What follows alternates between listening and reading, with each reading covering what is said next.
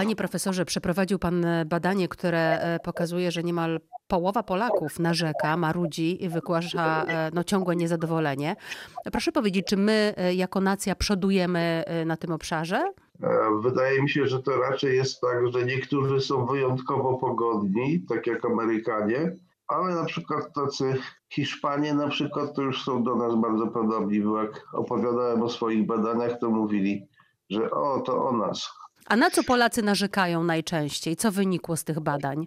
Nigdy nie narzekają na siebie samych, narzekają na rzeczy, które są odległe, na system, e, na ogólną sytuację, na przyszłość narzekają, że podąża w złym kierunku, sprawy podążają w złym kierunku, na takie rzeczy, które są odległe od, od własnego ja. A ciekawe jest to, co pan powiedział, że nie narzekają nigdy na siebie. Z czego to może wynikać? To całe narzekanie, no to jest takie obwinianie całego świata, prawda? Wszyscy są winni, tylko nie ja. To wydaje się, że to taką pełni funkcję zrzucania odpowiedzialności z siebie na innych. Ale to też pełni takie, znaczy jak pytaliśmy ludzi kiedyś, y, Polaków, dlaczego Polacy narzekają, bo Polacy sami o sobie są przekonani, że bardzo narzekają, a i pytaliśmy przede wszystkim po co. Te odpowiedzi były bardzo nieprawdopodobne, bo jedna najczęstsza odpowiedź to była taka, żeby sobie ulżyć, a druga, żeby coś zmienić. No i obie te, oba te powody są wysoce nieprawdopodobne, ponieważ no, nie można zmienić sytuacji, jakim podąża kraj, gadając na ten temat, prawda? I także ten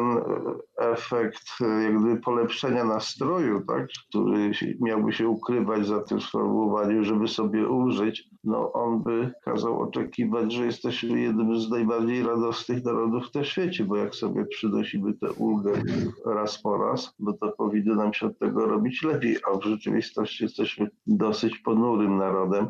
I zresztą robiliśmy takie badania, gdzie badaliśmy po prostu wpływ narzekania, czy to własnego, czy cudzego, na nastrój i ten nastrój się pogarszał. Natomiast jak próbowaliśmy zrozumieć, po co to ludzie robią, skoro pogarsza to im nastrój, a nie zmienia sytuacji obiektywnej, to wpadliśmy na to, że to, e, że to jest taki sposób na podtrzymywanie więzi społecznych, nawiązywania relacji a przede wszystkim ich podtrzymywania. Robiliśmy takie badania, gdzie ludzie wysłuchiwali cudzych rozmów nagranych i to było tak, że obie osoby narzekały, albo obie osoby afirmowały, albo była tam sprzeczność. Jedna narzekała i jedna afirmowała. I pytaliśmy o różne rzeczy, na przykład o głębokość kontaktu, albo urywaliśmy w jakimś tam momencie tą rozmowę nagle i pytaliśmy, jak długo jeszcze będzie trwała. Więc wówczas e, ludzie byli przekonani, że najdłużej ta rozmowa będzie trwała, jak obie osoby narzekały i także